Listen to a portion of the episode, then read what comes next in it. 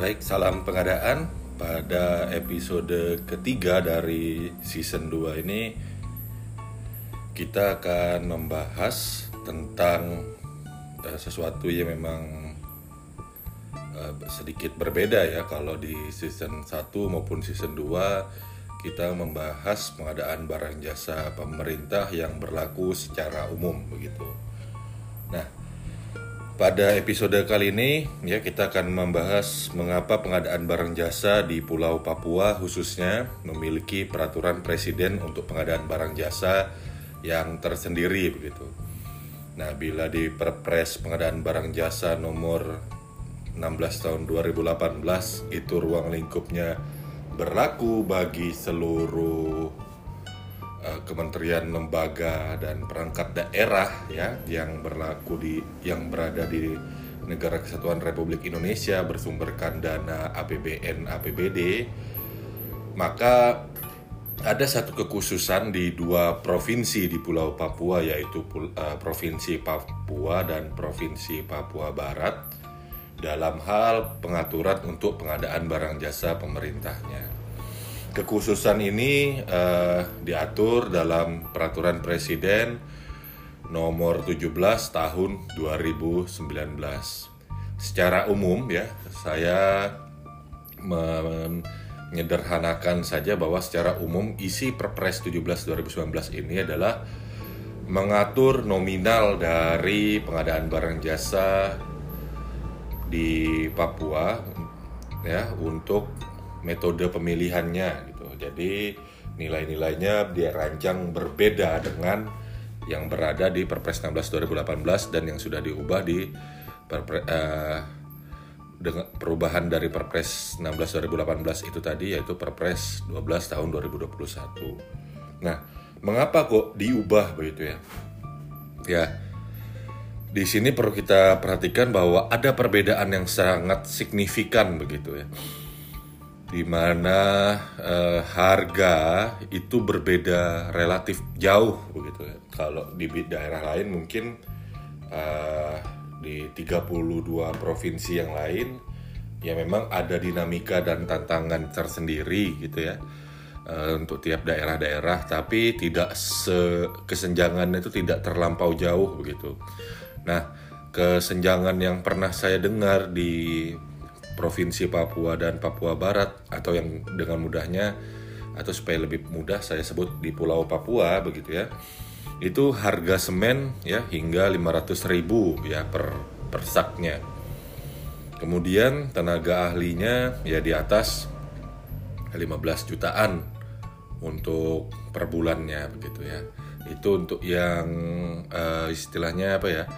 kualifikasinya terendah begitu 15 jutaan Sedangkan kalau tenaga ahli di uh, daerah lain ya itu dengan indeks kisarannya cuman kalau dibandingkan dengan benchmarkingnya yang selalu utama adalah DKI dengan indeks satu begitu ya. Kalau di daerah lain mungkin ya berkisar antara 0, sampai dengan uh, satu komaan jadi tidak terlalu jauh begitu. Nah, karena perbedaan karakteristik ini tadi ya uh,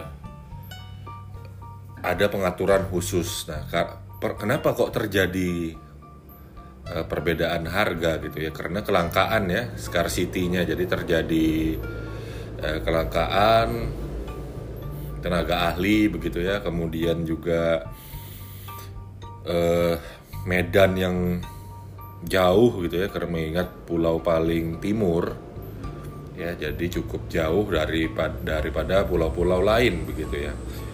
Sehingga kos untuk transportasi bahan baku itu menjadi tinggi. Nah di sini juga eh, perlu kita pertimbangkan bersama dan kita amati gitu ya bahwa perbedaan yang ada di sini memang masih selaras dengan eh, apa semboyan dari negara kita yang berbeda-beda tapi tetap satu juga gitu ya. Bineka tunggal ika dan sila dalam pancasila yaitu keadilan sosial bagi seluruh rakyat Indonesia. Artinya keadilan sosial ini ya e, menerima adanya perbedaan begitu, tidak bisa dipukul rata. Karena memang karakteristik medan yang ada secara demografi, demograf, geografis maksudnya, geografis ini eh, provinsi Papua dan Papua Barat ini berbeda dengan daerah lain di Indonesia ya. Ma apa mayoritas wilayahnya itu perbukitan dan pegunungan dan masih belum ibaratnya masih belum terbangun dengan baik. Nah, ini menjadikan tantangan dalam karakteristik pembangunan di Pulau Papua. Dan hal ini menjadi hambatan ketika dibuat satu peraturan begitu ya, satu peraturan yang mengatur keseluruhannya tanpa mempertimbangkan kekhususan ya, akan menjadi potensi gitu ya. Mengingat ya kalau tenaga ahlinya saja eh, yang klasifikasi kualifikasinya paling rendah disamakan ya dengan yang hanya jutaan rupiah gitu ya per bulannya sedangkan di sana belasan juta rupiah maka tenaga ahli itu untuk jasa konsultan misalkan khususnya yang terlibat di konstruksi ya konsultan perancang itu otomatis ya tidak akan berminat untuk menjadi penyedia sehingga ini akan menjadi perlambatan atau bahkan terhentinya pembangunan. Regulasi Peraturan Presiden Nomor 17 Tahun 2019 tentang pengadaan barang jasa di Papua dan Papua Barat eh, bertujuan memang untuk ya percepatan pembangunan provinsi Papua dan Papua Barat yang merupakan daerah yang menjadi perhatian dari pemerintah pusat di Republik Indonesia ini gitu ya. Perbedaan harga yang signifikan ini tadi mempengaruhi adanya perbedaan segmen eh, segmen-segmen uh, yang mengatur batasan dalam metode pemilihan. Selain itu ya, ada yang filosofis yang lebih mendasari adanya peraturan presiden pengadaan barang jasa di Papua dan Papua Barat ini adalah adanya tujuan untuk memberdayakan pelaku usaha asli Papua gitu ya. Nah, jadi ada kekhususan ya uh, di mana uh, pelaku usaha asli Papua itu uh, bisa mendapatkan privilege uh, dalam berpartisipasi untuk pembangunan di Pulau Papua itu tadi. Prinsipnya satu karena mar, uh, kondisi karakteristik geografis provinsi Papua dan Papua Barat ini berbeda dengan daerah lain di Indonesia. Salah satunya ya kondisi geografis apa segala macam. Maka uh, pemberdayaan pelaku usaha asli Papua ini tadi akan mem mengakselerasi ya uh, tercapainya tujuan pengadaan dan mendorong percepatan pembangunan provinsi Papua dan Papua Barat. Begitu. Nah, mari kita amati bersama bahwa ya perbedaan ini tadi ya yang menjadi penekanan saya adalah per perbedaan ini tadi bukan uh, lantas didas tidak didasari dengan pertimbangan yang objektif gitu ya. Nah, memang ya kalau memang disamakan aturan dengan Perpres 16 2018 dan perubahannya Perpres uh, 12 2021 ini menjadi apa bottleneck atau hambatan begitu bagi proses pengadaan barang jasa yang berdampak kepada pembangunan ya pembangunan Papua dan Papua Barat ya. Nah, Perpres 17 tahun 2019 ini ya eh, yang yang sudah diundangkan pasca uh, pasca ditetapkannya Perpres 16 2018 memiliki ya uh, perbedaan di segmen apa keberpihakan pada pelaku usaha di Pulau Papua begitu. Nah, judul dari Perpres yang pengadaan barang jasa di Papu, Pulau Papua ini tadi adalah ya peraturan presiden nomor 17 tahun 2019 tentang pengadaan barang jasa pemerintah untuk percepatan pembangunan kesejahteraan di provinsi Papua dan provinsi Papua Barat. Total peraturan ini bila saya tidak salah mengingat kurang lebih sekitar 25 halaman begitu. Nah, artinya apa? Perpres pengadaan barang jasa di Papua ini uh, sifatnya suplemen begitu ya. Artinya apa yang diatur di Perpres 16 2018 itu masih berlaku begitu. Nah, yang diatur di dalam Perpres 17 2019 itu uh, karakteristik yang kekhususan untuk percepatan pembangunan dan percepatan kesejahteraan ya jadi bukan berarti Perpres 16 2018 yang diubah di Perpres 12 2021 sama sekali tidak digunakan di Provinsi Papua dan Papua Barat. Nah, bagaimana dengan ruang lingkup Perpres pengadaan barang jasa di Pulau Papua? Ya, jadi eh, ini berlaku bagi satker ya satker yang dalam lingkungan kementerian gitu ya kemudian lembaga dan perangkat daerah yang menggunakan anggaran belanja dari APBN APBD yang dipergunakan untuk percepatan pembangunan kesejahteraan di Provinsi Papua dan Papua Barat. Sehingga Perpres ini tadi tidak uh, khususnya bagi eh, teman-teman insan pengadaan itu berlaku bagi perangkat-perangkat daerah yang ada di provinsi, kabupaten, kota di Pulau Papua, baik di provinsi Papua Barat maupun di provinsi Papua. Kemudian berlaku juga bagi teman-teman di kementerian lembaga begitu ya. Baik yang sifatnya kanwil di kanwil kementerian atau perwakilan lembaga di provinsi Papua dan Papua Barat atau uh, satker-satker yang ada di kementerian lembaga yang di daerah lain begitu ya. Tapi anggarannya itu digunakan untuk percepatan pembangunan kesejahteraan di provinsi Papua dan provinsi Papua Barat. Misalkan kementerian PUPR begitu ya yang ada di Jakarta. Nah dalam hal ini menganggarkan program-program uh, pembangunan infrastruktur begitu ya. Nah, tapi kalau Kementerian PUPR kurang tepat lah saya gunakan ya karena di sana sudah ada uh, sudah ada kanwilnya begitu. Tapi mungkin misalkan kayak Kementerian Sosial begitu ya.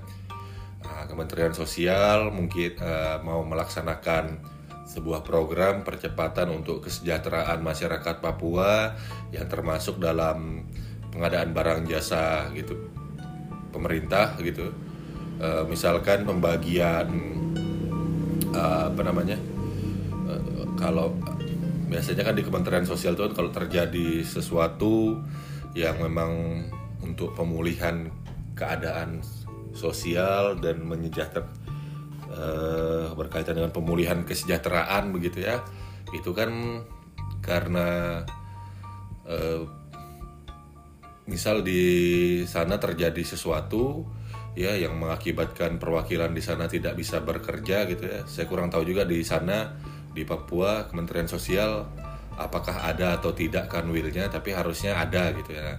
Tapi kanwil itu misalkan uh, terjadi government shutdown atau tidak bisa aktif sementara begitu misalkan. Nah, dari kementerian tersebut di pusat ya kalau memang menganggap menganggarkan untuk APB eh, dari APBN-nya untuk perba pemulihan gitu ya itu bisa untuk wilayah Papua dan Papua Barat yang bisa menggunakan Perpres 17 2019 artinya eh, pemaknaan peraturan penggunaan Perpres ini tadi ya tidak hanya sekedar eh, kebijakan pengadaan atau eh, praktek pengadaan yang memang dilakukan oleh apa uh, eh, ASN yang ada di provinsi Papua dan Papua Barat yang dari pusat pun bila memang proses pengadaan barang jasa pemerintahnya itu tadi uh, dilakukan bagi dilakukan untuk di pap, kesejahteraan dan percepatan pembangunan begitu ya di Papua maka bisa saja dilakukan uh, secara remote gitu ya, secara dari jauh begitu. Kenapa? Karena ya pasti uh, harganya itu tidak akan menjadi sama begitu kalau ya. Jadi uh, masih sama ya dengan lingkup Perpres PBJ yang 1618 diubah di 12 2021 ini juga termasuk juga dari yang APBN APBD yang sifatnya dari PHLN maupun PHDN. Jadi peraturan presiden ini memang berlaku di seluruh kabupaten kota yang termasuk dalam wilayah Provinsi Papua dan Provinsi Papua Barat begitu ya. Nah, jadi bila peruntukannya pengadaan itu tadi lokasinya di Papua dan Papua Barat peruntukannya ya. Nah, jadi itu bisa dilakukan dengan perpres ini begitu. Katakanlah ya ada MO apa ada kesepakatan kerjasama antar daerah begitu ya dengan daerah-daerah sekitar Papua begitu. Papua da, sekitar Papua Barat dan Papua misalkan daerah Maluku atau yang mana yang ada di dekat di situ ya. Nah uh, misalkan dari APBN eh dari APBD daerah tersebut bila akan dibangun uh, sesuatu yang untuk pembangunan kesejahteraan percepatan pembangunan kesejahteraan begitu ya di Papua ya bisa saja gitu ya. Bila ada MOU kerjasama antar kepala daerah kepala daerah yang di sekitar ikut berpartisipasi membangun uh, provinsi Papua atau Papua Barat ya dengan tujuan memang ya kebersama rasa kebersamaan dan juga memang ada benefit bagi kesejahteraan daerahnya gitu ya misalkan uh, daerah sekitar punya sumber daya hasil bumi yang bisa apa bisa didagangkan gitu ya oleh masyarakatnya ke Papua atau Papua Barat.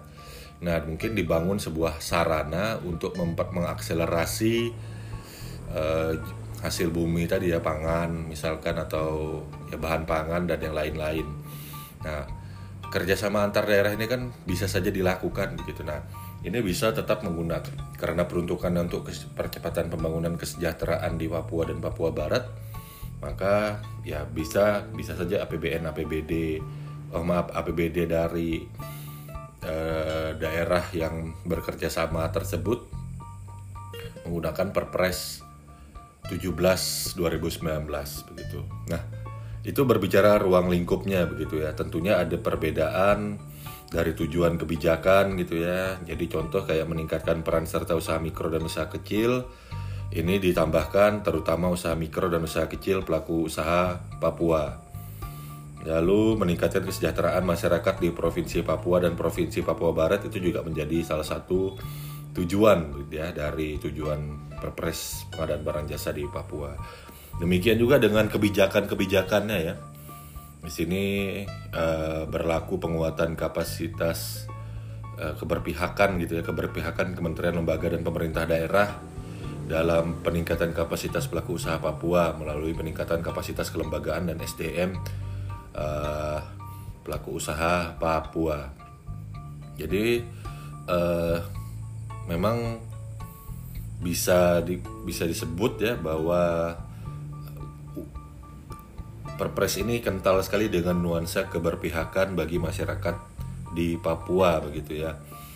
ya uh, itu perbedaannya. Nah, Bapak Ibu yang saya hormati bahwa uh, kebijakan-kebijakan ini tadi ini secara garis besar memang masih sama ya dengan ke yang lain gitu dengan di Perpres 16 2018 tujuan dan kebijakan memang penambahannya hanya pada kalimat-kalimat uh, di apa ke, ke, keberpihakan untuk di Papua.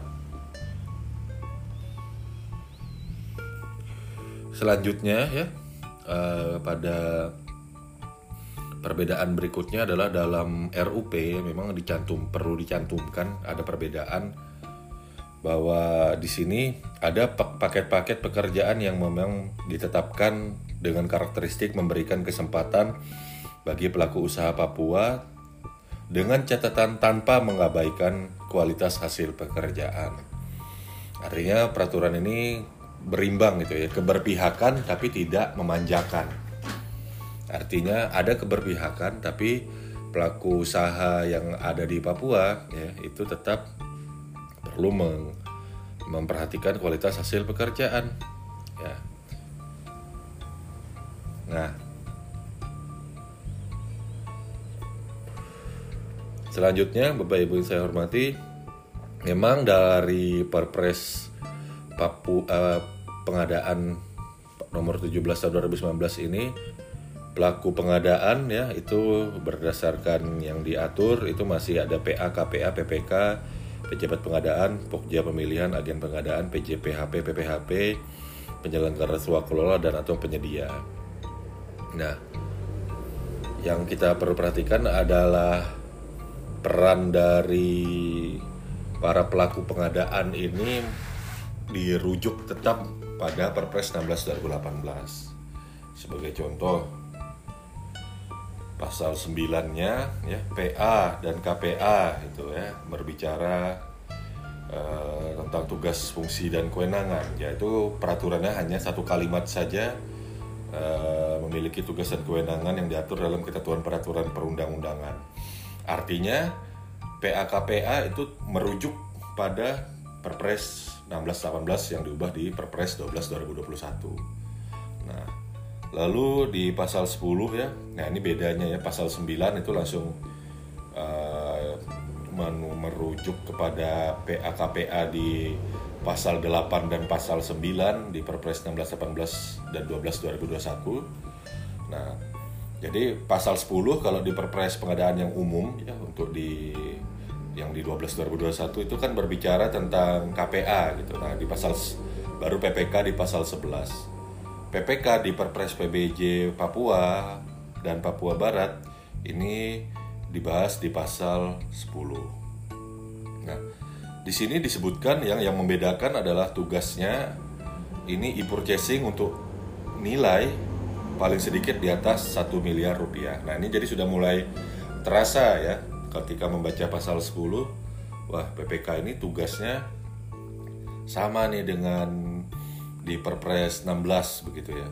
Nah, tapi nilainya adalah di angka e-purchasing 1 miliar rupiah. Di bawah itu siapa yang melaksanakan? Yaitu adalah pejabat pengadaan. Jadi pejabat pengadaan eh, untuk e-purchasing itu bernilai paling banyak 1 miliar rupiah. Itu ada di pasal 11 ya. Demikian juga untuk paket pekerjaan pengadaan barang, konstruksi, jasa lainnya itu sampai dengan paling banyak satu miliar rupiah itu ada pada pemilihan penyedianya oleh pejabat pengadaan. Untuk jasa konsultansi bernilai paling banyak 200 juta rupiah. Di atasnya ya di pasal 12 maka ada tender terbatas ya untuk tugas pokmil ya. Ada tender terbatas, tender penunjukan langsung untuk PBJ non konsultan ya pengadaan barang pekerjaan konstruksi jasa lainnya nilainya 1 miliar rupiah atau dengan nilai pagu anggaran paling banyak 100 miliar rupiah. Kemudian seleksi penunjukan langsung ya di atas 200 juta rupiah atau dengan nilai pagu anggaran paling banyak 10 miliar rupiah. Nah yang menarik di sini adalah tugas PAKPA itu masih tetap sama dengan uh, masih tetap merujuk di Perpres 1618 dan Perpres 12 2021 sehingga ya untuk nilai-nilai yang penetapan pemenangnya perlu dilakukan oleh PAKPA Pokja pemilihan uh, tetap mengikuti ketentuan penetapan pemilihan uh, penetapan pemenang oleh PAKPA.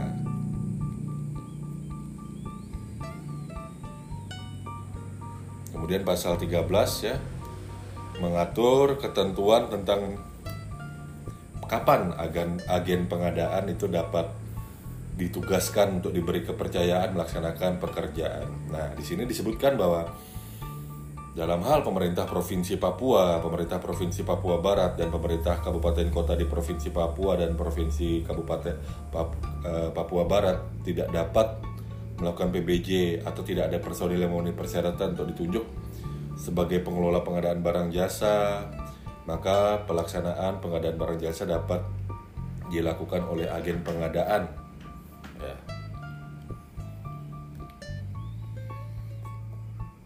Nah, kemudian PJPHP ya, karena di Perpres 16 2018 itu memang PJPHP PPHP itu sudah dihapuskan ketentuannya untuk uh, yang umum begitu ya. Nah, tapi untuk Perpres perubahan akibat Perpres 12 2021 untuk provinsi dan Papua dan Papua Barat ini belum keluar nih gitu. Nah, eh, yang dihapus itu kan masih Perpres 16 18. Jadi PJPHP PPHP itu juga masih ada nih di eh, Papua dan Papua Barat ya. Tugasnya ya bernilai paling banyak satu miliar rupiah untuk di PJ dan jasa konsul untuk non konsultan ya. Sedangkan jasa konsultan paling banyak 200 juta rupiah itu tugas memeriksa administrasinya dilaksanakan PJPHP nah kemudian untuk PPHP-nya itu paling sedikit yang di atas satu miliar rupiah ya untuk pengadaan barang pekerjaan konstruksi jasa lainnya atau ya jasa konsultansi yang bernilai paling sedikit di atas 200 juta rupiah itu pakai PPHP.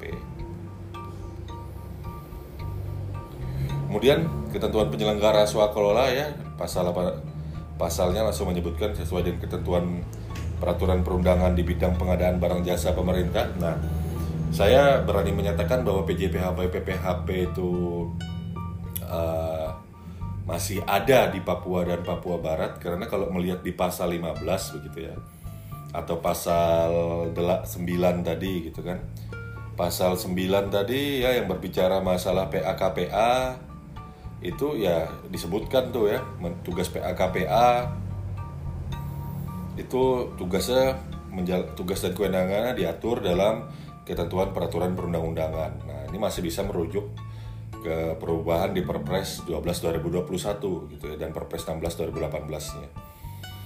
Kemudian yang di ketentuan swaklola tadi ya yang ada di pasal 15 penyelenggara swaklola ya dilakukan sesuai ketentuan peraturan perundang-undangan di bidang PBJ pemerintah gitu. Artinya uh, tugasnya penyelenggara swaklola itu langsung merefer ke Perpres 16 2018 dan perubahannya di Perpres 12 2021. Demikian juga di pasal 16 ya tentang tugas dan kewenangan penyedia.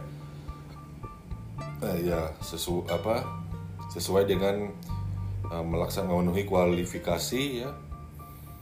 Ya dan bertanggung jawab atas ketersediaan barang jasa sesuai dengan ketentuan peraturan perundang-undangan. Nah, bagaimana dengan itu tadi poin-poin di awal bagaimana dengan peran pelaku usaha dalam pengadaan barang jasa itu diatur dalam satu bab tersendiri gitu ya?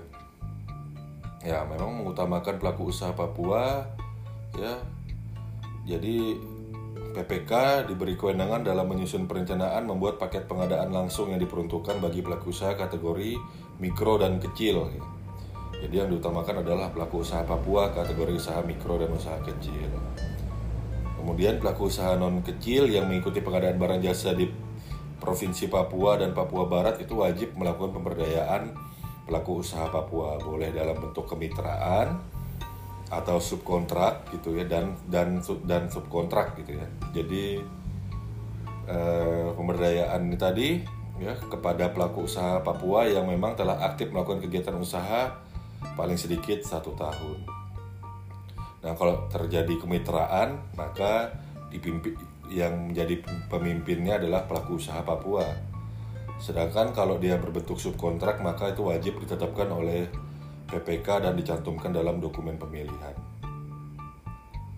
Nah, pelaksanaan PBJ di Papua itu tidak diperbolehkan untuk kemitraan dengan pelaku usaha Papua yang tidak berperan aktif dalam pelaksanaan PBJ kemudian mengalihkan mengsubkontrakkan sebagian maupun seluruh pekerjaan kepada pihak lain secara tidak sah. Pinjam bendera itu tidak boleh gitu ya Nah, dalam hal tidak ada pelaku usaha Papua yang memenuhi syarat kualifikasi pada tender terbatas dan tender terbatas dinyatakan gagal, Pokja Pemilihan melakukan tender dengan pasca kualifikasi. Nah, tahapannya ya pasca kualifikasi itu dilaksanakan tahapannya sesuai dengan ketentuan peraturan perundang-undangan di bidang PBJ ya, Perpres 12 2021 artinya. Pengadaan barang jasa secara elektronik ya di bab berikutnya itu juga dilaksa, wajib dilaksanakan ya. Nah, kalau tidak dapat dilaksanakan, maka dimungkinkan ya dengan tentunya berkonsultasi terlebih dahulu dengan APIP dan LKPP untuk melaksanakan PBJ secara manual. Ya, jadi hal-hal tersebut ya eh, menjadi sesuatu yang diatur di Perpres PBJ Papua dan Papua Barat ada juga pasal-pasal tentang pembinaan pengawasan ya. Nah, ya eh, bab-babnya mohon maaf bab-babnya ya. Eh, ruang lingkupnya itu tadi ya contoh dalam ruang lingkup pengawasan ya ini eh, yang diperhatikan ya pencadangan dan peruntukan paket pekerjaan ini memang harus sesuai dengan untuk pelaku usaha Papua dan Papua Barat gitu ya. Nah khususnya untuk usaha mikro dan usaha kecil. Gitu. Nah, demikian Bapak Ibu yang memang kita bisa bahas terkait dengan uh, oh ya hampir terlupakan gitu ya bahwa di Papua dan Papua Barat ya ini diatur juga ketentuan sanksi administrasi ya kalau yang di luar dari apa yang diatur di Perpres PBJ reguler, kalau ada kemitraan dengan pelaku usaha Papua yang tidak berperan aktif, tidak melaksanakan ketentuan dalam kontrak begitu ya, maka ada sanksi teguran, ada sanksi pemutusan kontrak. Ya, jadi uh, demikian uh, perbedaannya ya kurang lebihnya. Nah, kemudian ketentuan-ketentuan di dalam ketentuan penutup ya e, ditegaskan di pasal 27 bahwa Perpres 16 2018 itu masih tetap berlaku di provinsi Papua dan Papua Barat. Nah, sepanjang tidak diatur lain dalam peraturan Perpres 17 2019. Artinya hal yang khusus diatur di Perpres 17 2019 itu masih uh, berlaku ya di sepanjang tidak bertentangan dengan apa yang diatur di 17 2019. Nah, yang menarik tadi adalah PJPHP PPHP nih. Kalau saya pribadi berpendapat bahwa uh, kalau itu dihapus di Perpres 12 2021, tapi yang pasal 27-nya merujuk ke Perpres 16 2018 pasal 27 dari Perpres 17 2019 itu tadi. Nah, di pasal pasal-pasal yang ada di Perpres pengadaan barang jasa pemerintah eh, di Perpres 12 2021 memang eh, tidak menyebutkan pemberlakuannya di Papua begitu. Berarti kita memang akan ada Perpres perubahan ya terkait dengan Perpres di Pap PBJ di Papua dan Papua Barat ini tadi gitu. Nah, eh, karena apa? Yang menjadi lebih tinggi gitu ya pemberlakuannya adalah Perpres 17 2019 ya karena ada di undangkan di pasal 277 Perpres 17 2019 ini tadi. Ya yang diacu adalah uh, Perpres 17 2019 jadi kalau di bunyinya PJPHP PPHP itu di pasal 8-nya kan memang dihapus ya eh, poinnya PJPHP PPHP tapi di pasal 8 Perpres 17 2019 ini kan masih tetap ada. Nah, dan itu tidak tidak di tidak bisa dihapus begitu ya. Karena harus ada perpres perubahan untuk 17 2019 sehingga PPJ PHP PPHP untuk Papua itu masih ada. Demikian penjelasan sing uh, filos tentang Perpres nomor 17 tahun 2019 ya dan menjelaskan mengapa kok ada perbedaan ya di pengadaan barang jasa di provinsi Papua dan provinsi Papua Barat Kemudian apa saja isi perbedaannya? Semoga bisa memberikan wawasan pengadaan bagi kita semua. Terima kasih telah menyimak podcast ini. Tetap semangat, tetap sehat, tetap berintegritas, dan salam pengadaan. Sampai jumpa di episode-episode berikutnya.